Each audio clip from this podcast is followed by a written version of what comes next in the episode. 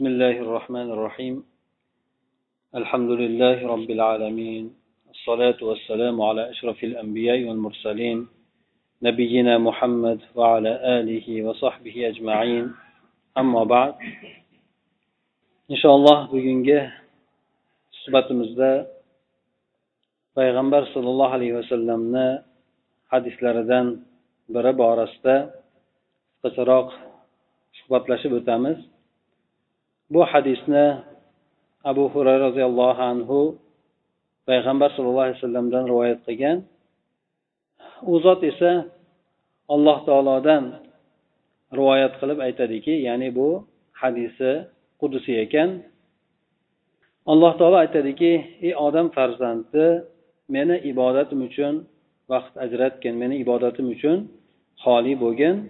Ana o'shanda seni qalbingni boylikka to'ldiraman kambag'allikni esa sendan to'sib qo'yaman. Aks holda agar unday qilmaydigan bo'lsang qo'lingni ishga to'ldiramanda sendan kambag'alligingni to'sib qo'ymayman degan hadis ekan. Bu hadis payg'ambar sallallohu alayhi vasallam alloh taolo tomonidan alloh taolodan gapirib o'tgan bu hadis. Mana shu hayotdagi hayot falsafasi yoki bo'lmasa undagi insonni vaqtlarini to'g'ri taqsim etishligi mana shu borasida demak bu hadis gapirib o'tar ekan. Alloh taolo to'g'ridan to'g'ri inson farzandiga xitob qildi. Ya'ni alloh taolo insoniyatni nima uchun yaratganligini esladi eslatdi. Alloh taolo insonni o'ziga ibodat qilishlik uchun yaratgan edi. Demak inson qachoniki alloh taoloni insonni yaratgan maqsadidan uzoqlashib ketar ekan bunga e'tiborsizlik qilib beparvolik qilar ekan. Mana shuningdek alloh taolo tomonidan to'g'ridan to'g'ri xitobga muhtoj bo'lib qolar edi. Shuning uchun alloh taolo odam farzandiga to'g'ridan to'g'ri e, oddiy qilgan oddiy bir suratda ey banda meni ibodatimga bo'shagin vaqt ajratgin deb alloh taolo tomonidan aytishligiga sabab bo'ldi. Alloh taologa ibodat qilishlik agar inson buni uddasidan chiqar ekan alloh taoloni ibodatiga vaqtini ajratar ekan ana o'shanda alloh taolo buni mukofotini insonga chiroyli bir suratda berishligini va'da qilib aytadiki ana o'shanda seni qalbingni men boylikka to'ldirib qo'yaman dedi.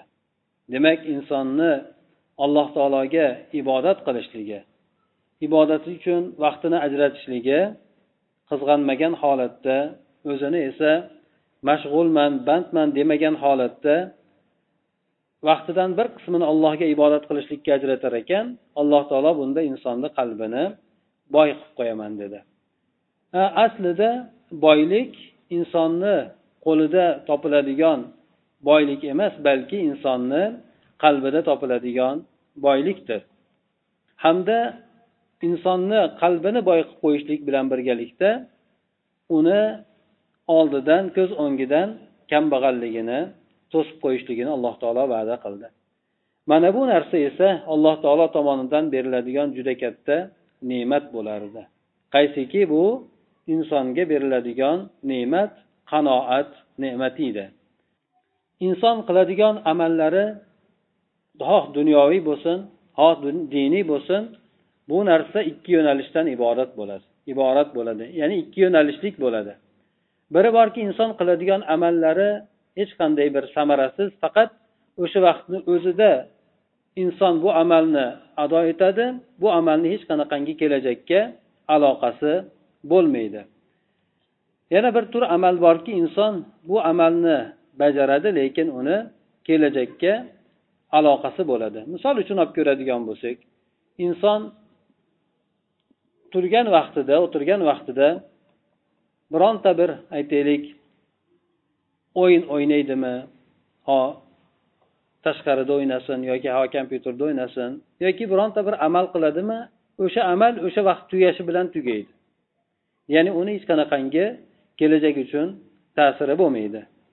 Ba'zan esa inson bir amallarni qiladiki buni kelajak uchun insonga katta muhim roli bo'ladi. Masalan bir inson o'qishlarni o'qiydi maktablarni tugatadi universitetga kirib bu yerlarni bitiradi. Bu insonni qilayotgan amali ham ho dunyoviy bo'lsin lekin buni kelajagiga aloqador bo'ladi. Dunyo diniy maqsadda ham ayni mana shuningdekdir.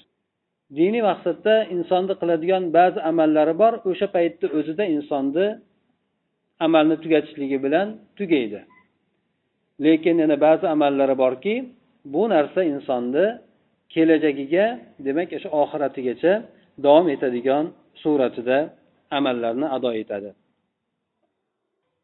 Mana bu yuqorida aytib o'tgan hadisimizga ma'no jihatdan yaqin bo'ladigan bir oyat karimalar borki mana bu oyat karimalar asr surasida zikr qilingandir. Bunda alloh taolo aytadiki vaqtga qasam qilib turib asr vaqtiga qasamki innal insana lafi husr inson albatta ziyonkorlikdadir. Illo iymon keltirgan yaxshi amallarni qilgan haqni bir biriga vasiyat qilgan hamda o'shani ustida bir biriga sabrli bo'lishlikni vasiyat qilgan kimsalar bundan mustasno deb aytadi. Haqiqatdan inson alloh taolo uni yaratgandan keyin bu insonni holati ziyonkorlik holatida edi. Sababi insonni atrofidan o'rab turadigan har xil insonni chalg'ituvchi bo'lgan narsalar bu insonni o'zini xohish istaklari bo'lsin shayton bo'lsin yoki muhitni insonga bo'ladigan ta'sirlari bo'lsin bu narsalar insonni ollohni yo'lidan ollohni ibodatidan burib tashlashlikka sabab bo'ladi. Shuning uchun yuqoridagi hadisimizda ey banda ey odam farzandi meni ibodatim uchun vaqt ajratgin bo'shagin deb alloh taolo tomonidan aytildi. Sababi demak insonni o'sha ollohni ibodatdan burib tashlaydigan narsalarni ko'p ekanligi. Shuning uchun alloh taolo insonni bu yerda ziyonkor bo'ladi dedi. Har bir insonki ziyonkor bo'ladi lekin bu insonlardan najot topadiganlari ozchilikni tashkil qiladi. Bular iymon keltirgan solih amal qilgan kimsalar deb ularni sifatlarini bayon qildi. Demak insonni ustida zamonni o'tishligi insonni demak hayotini tugab borishligiga dalolat qiladi. Ya'ni insonni qaysi bir kuni o'tgan sari insondan bir bo'lagi o'tib borayotgan bo'ladi endi. Insonni umri qisqarib borgan sari demak inson ziyonga qarab ketayotgan bo'ladi chunki inson kamayib borayotgan. Hamda inson aytaylik bir qancha yil miqdorda umr yashaydigan bo'lsa ellik yilmi oltmish yilmi qancha bo'lishidan qat'iy nazar bu inson har bir o'tayotgan soniyasi bilan sekundi minuti bilan o'shani o'zini nihoyasiga qarab yaqinlashayotgan bo'ladi. Hop bu yerda bironta odam inson mana shu o'tib ketgandan keyin yana qaytib hayotga kelishligini hech kim kafolatini olmaydi. Kimniki kimki mana shu qimmatbaho bo'lgan boyligi vaqtini agar zoya qiladigan bo'lsa mana shu vaqtni demak aytib o'tganimizdek agar inson shu bugungi kundagi narsalar bilan aralashgan holatda o'tkazib yuboradigan bo'lsa bu inson oxirati uchun kelajagi uchun hech qanaqangi narsani o'zida qoldirmagan bo'ladi. Misol tariqasida olib ko'radigan bo'lsak inson juda bir maishat bilan yashadi. Ha juda bir turli tuman ne'matlarni ostida yashadi. Yoki bo'lmasa aytaylik bir bayramlarda yoki bo'lmasa juda bir ziyofatlarda turli tuman narsalarni yedida ana undan keyin insonni qattiq bir kasallik bezovta qildi. Tish og'rig'imi yoki qorin og'rig'imi boshqa kasallik uni bezovta qildida toqat qilib bo'lmaydigan darajada. Haligi inson demak o'sha ziyofatda ko'rgan yegan narsalarini ana o'shanday bo'lib turgan paytida eslay oladimi? Albatta inson bunday holatda u narsalarni eslashlikka harakat ham qilmaydi chunki bu narsa ko'ngliga ham sig'maydi. Insonni ham mana shu hayotdagi boring butun boylik bilan yashab o'tgan bo'lsin yoki juda bir farovonlik bilan yashab o'tgan bo'lsin lekin insonni boradigan oqibati agar alloh taolo ko'rsatmasin insonni do'zaxga eltadigan bo'lsa bu inson har qancha bu dunyoda boylik bilan yashamasin farovonlik bilan yashamasin bu narsasi insonga demak oxirida oxiratda hech qanaqangi foyda bermaydi. Hattoki insonni do'zaxga tushgan paytida bu narsalarini ko'ngliga olishlikka ham insonni imkoniyati bo'lmaydi. Shuning uchun bir hadisda keladiki yer yuzida o'zi do'zaxga hukm qilinganu lekin maishat bilan judayam farovonlik bilan yashab o'tgan odamni bir do'zaxga olib kirib chiqilgan paytida bu insonga aytiladiki sen dunyoda bironta bir ne'matni ko'rganmiding shu ne'matlardan totiganmiding deganda u inson ey robbim hech qanaqangi ne'matni totmaganman deb ko'rmaganman deb javob qiladi. Bu inson bu yerda aytayotganligi haqiqatdan ko'rmagan ekanligi emas bu narsalarni unutib yuborganligi. Chunki insonni ba'zida shu hayotda ham uchraydi bir qattiq musibatni kelishligi insonga undan oldingi bo'lgan har qanaqangi maishatini esdan chiqarib uni hayolidan ko'tarib yuboradi. Mana shu narsa demak inson oxiratda ham agar hayotini allohga ibodatsizlik bilan o'tkazadigan bo'lsa bu insonni har qancha boylikka ega bo'lmasin oxir oqibat bu inson ziyonda ekanligini alloh taolo bayon qildi.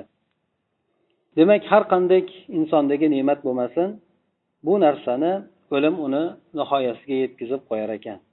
Shundan hadis sharifda alloh taolo bejiz aytmadiki ey banda meni ibodatim uchun vaqt ajratgin ana o'shanda ziyon ko'rmaysan.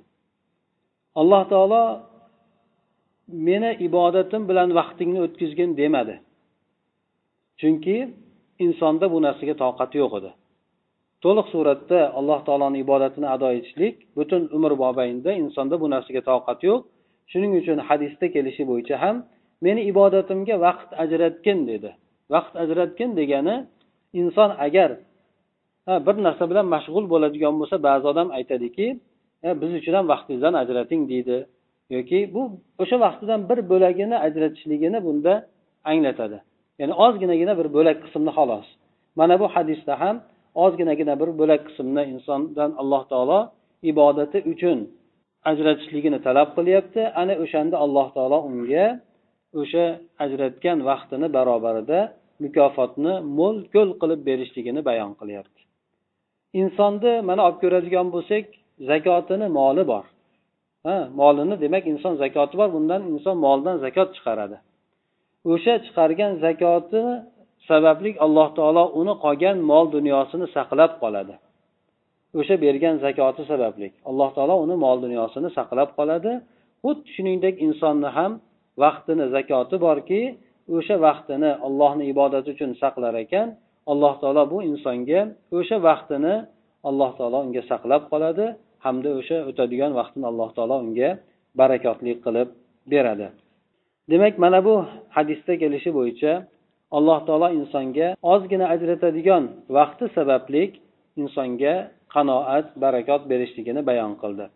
Bundan insonni qalbini boylikka to'ldirib qo'yishligi hamda ko'z o'ngidan kambag'alligini ketkazib qo'yishligi bu agar biladigan bo'lsak bu juda katta ham ne'mat hisoblanadi. Chunki qanoat degan narsa insonni vaqtini ham hayotini ham mazmunli o'tishligiga olib boradigan narsadir. Agar insonda qanoat degan narsa bo'lmaydigan bo'lsa payg'ambar sallallohu alayhi vasallam hadislarida aytib o'tgandek inson farzandi mol dunyoyim deydi mol dunyoyim deydi molim deydi molim deydi unga molidan yeb ichgani kiyib eskirtirgani mana ishlatib tugatgani shu narsa bo'ladi. Qolgani esa u insonni o'ziniki emas balki undan qoldirib ketadigan odamlarniki. Yo bo'lmasa boshqa bir hadisda inson farzandi molim molim deydi uni esa og'zini tuproq to'ldiradi deb aytgan. Inson bir inson agar katta bir boyligi bo'ladigan bo'lsa bir dara boyligi bo'ladigan bo'lsa bir vodiy boyligi bo'ladigan bo'lsa ikkinchi vodiy boyligim bo'lsin deydi ikkinchisi bo'ladigan bo'lsa uchinchisi bo'lsin deydi. Bu insonni esa og'zini o'sha tuproq to'ldiradi. Ya'ni qabrga tushgan paytda bu inson bu narsadan qutuladi bunday balo musibatdan qutuladi degan. Mana shu narsadan alloh taolo bu hadisda qutulishlik yo'lini bizga ko'rsatib beryapti. Bu inson alloh taoloni ibodatiga vaqtini ajratib alloh taoloni ibodatini mukammal o'sha berilgan vaqtida ado etishligi. Mana bu narsa insonni qalbini boy qilar ekan. Qalbini inson agar qalbi boy bo'lar ekan bu hech kimga qul bo'lmaydi.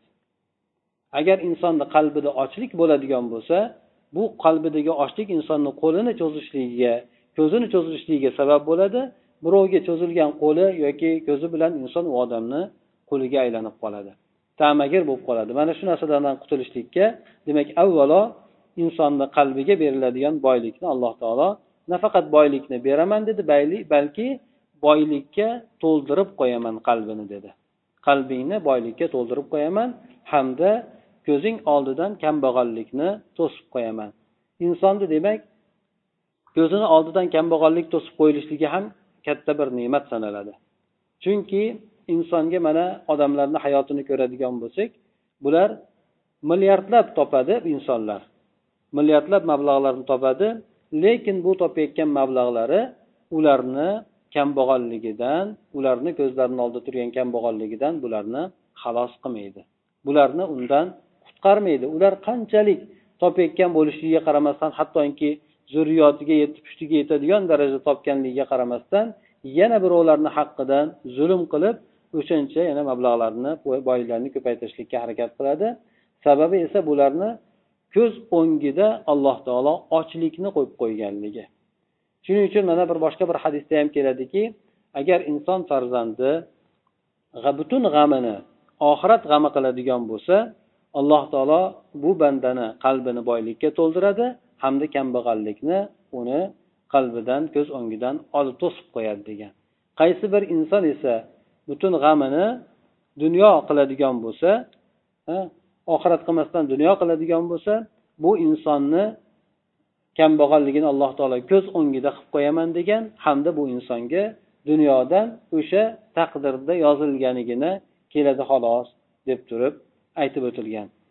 Shundan ham bilinadiki demak insonni g'amini oxirat bo'lishligi hamda vaqtini alloh taoloni ibodatiga ajratishligi ikkala tomon ham insonni qalbida o'sha qanoatni paydo bo'lishligiga alloh tomonidan beriladigan boylikni e, qalbini egallashligiga mana shu narsa demak hamda ko'z o'ngida bo'ladigan kambag'allikni to'silishligiga sabab bo'lar ekan. Aks holda esa alloh taolo aytdiki qo'lingni ishga to'ldirib qo'yamanda kambag'alligingni to'smayman dedi.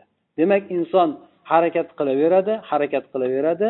Bu bilan ming boyligi oshgan taqdirida ham o'zini holatidan hech qachon inson qanoatlanmaydi ko'ngli to'lmaydigan holatga kelib qoladi. Bu esa insonga berilgan musibat bo'ladiki bu narsadan inson aytib o'tganimizdek qabrga tushgandagina qutuladi aks holda bu narsa insonni harom bo'ladimi halol bo'ladimi farqi yo'q. Mana shunday mablag' topishlikka insonni undab qo'yadi.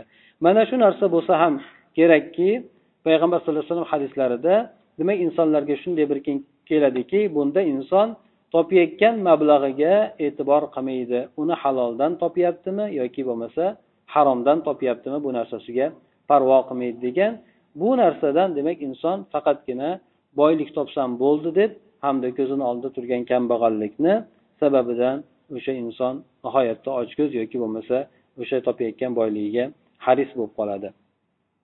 Mana oyat karimada insonni shu boyligini ortidan quvib quvib oxiri qalbini to'ldirolmagan ko'zini oldidan kambag'alligini ketkazolmagan holatda dunyodan o'tar paytidagi bo'lgan holati shu bo'ladiki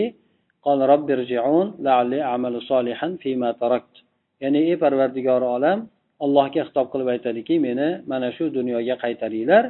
Ehtimol mana shu qoldirib ketayotgan hayotimda men solih amallar qilib qolsamidi deb alloh taolodan inson yolvorib so'raydi jon taslim qilayotgan paytida inson so'raydi lekin alloh taolo tomonidan javob qilinadiki kalla innaha kalima. Ya'ni bu narsa yo'q aslo bu narsa hech qanday iloji yo'q. Bu shunchaki bir aytilayotgan gap so'z xolos. Buni hech qanaqangi haqiqati yo'q bo'lgan gap so'z xolos deb aytiladi. Mana shu borada payg'ambar sallallohu alayhi vasallam aytadiki bir kuni u kishi sahobalar bilan birgalikda qabrlarni oldidan o'tib ketayotgan paytlarida u kishi bir qabrga ishora qilib aytadiki bu qabrda yotgan kishi sizlar e'tiborsiz sanaydigan e'tibor qilmaydigan arzimas sanaydigan bir nafl ibodatlardan bir ikki rakat namozga shunaqangi muhtojki bular uchun butun dunyodagi bo'lgan narsalardan ko'ra o'sha ikki rakat namoz o'qishligini o'zi mana shu narsa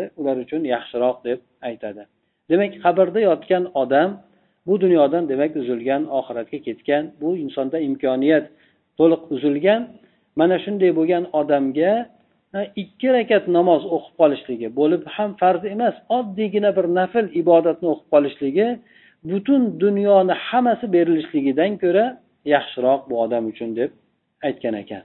Demak insonni holati alloh taologa ibodat qilishlik uchun inson mana shu dunyoda imkoniyat bor ekan. Albatta bu narsani inson ado etishlik kerak ekanki insonga oxiratida bu dunyo hech qanaqangi suratda agar allohga ibodat qilishlikka vaqtini ajratmas ekan asqotmas ekanki bu dunyosi bu dunyoni hammasidan ko'ra inson ikki rakat ibodat qilib qolishligi afzalroq bo'lar ekan. Sababi inson aytib o'tganimizdek butun dunyoni hamma ne'matini qo'lga kiritgan hamma boyligini qo'lga kiritgan taqdirda ham agar alloh uchun ikki rakat ibodat qilmagan bo'lsa bu inson albatta ziyonkor bo'lishligi aniqdir undan tashqari alloh taolo qur'oni karimda aytadiki من أعطى فأما من أعطى واتقى وصدق بالحسنى فسنيسره لليسرى kimki olloh uchun beradigan bo'lsa vaqtidan ham boyligidan ham hamda alloh taolodan taqvo qiladigan bo'lsa alloh taolo tomonidan kelgan xabarlarni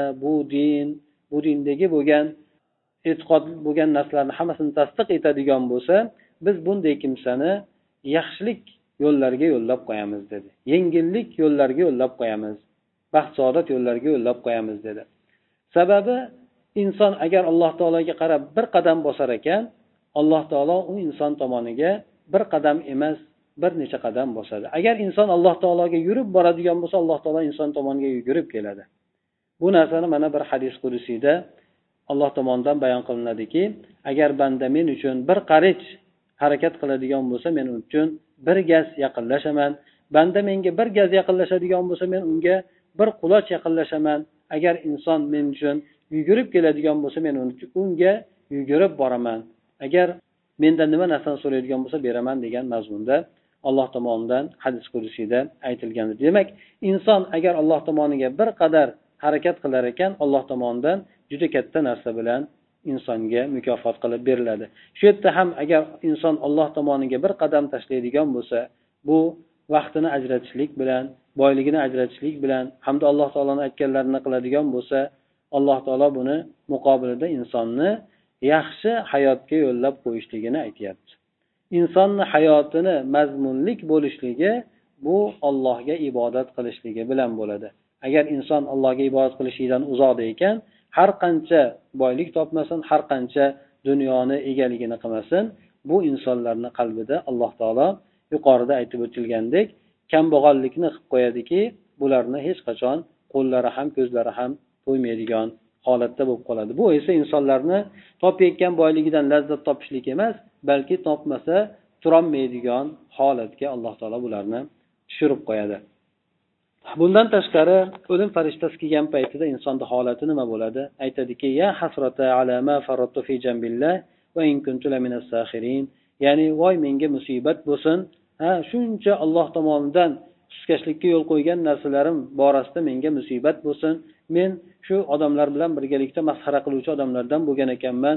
Nima bo'lsa amal qilmasdan aksini qilgan ekanman demak menga musibat bo'lsin deb inson o'ziga hasrat nadomat tilab qoladiki bu narsa inson hayotini ibodatsiz o'tkazgan paytida yoki ibodatlarni chala chulpa qilgan holatda o'tkazgan paytida o'lim farishtasi kelgan paytda aytadigan holat shundan iborat bo'lar ekan. Demak hayotni mazmuni alloh taolo tomonidan asosan mana insonni nima uchun yaratganligini aytib o'tilgandan keyin insonni ibodat uchun yaratganligidan alloh taolo insonni yaratgandan keyin uni o'zidan bir muhlat ajratishligini insondan talab qildiki bu narsaga alloh taolo to'la haqli edi hamda insondan butun hayotini emas balki insonni bir bo'lak hayotini olloh o'zi uchun ibodatiga ajratishligini talab qildi.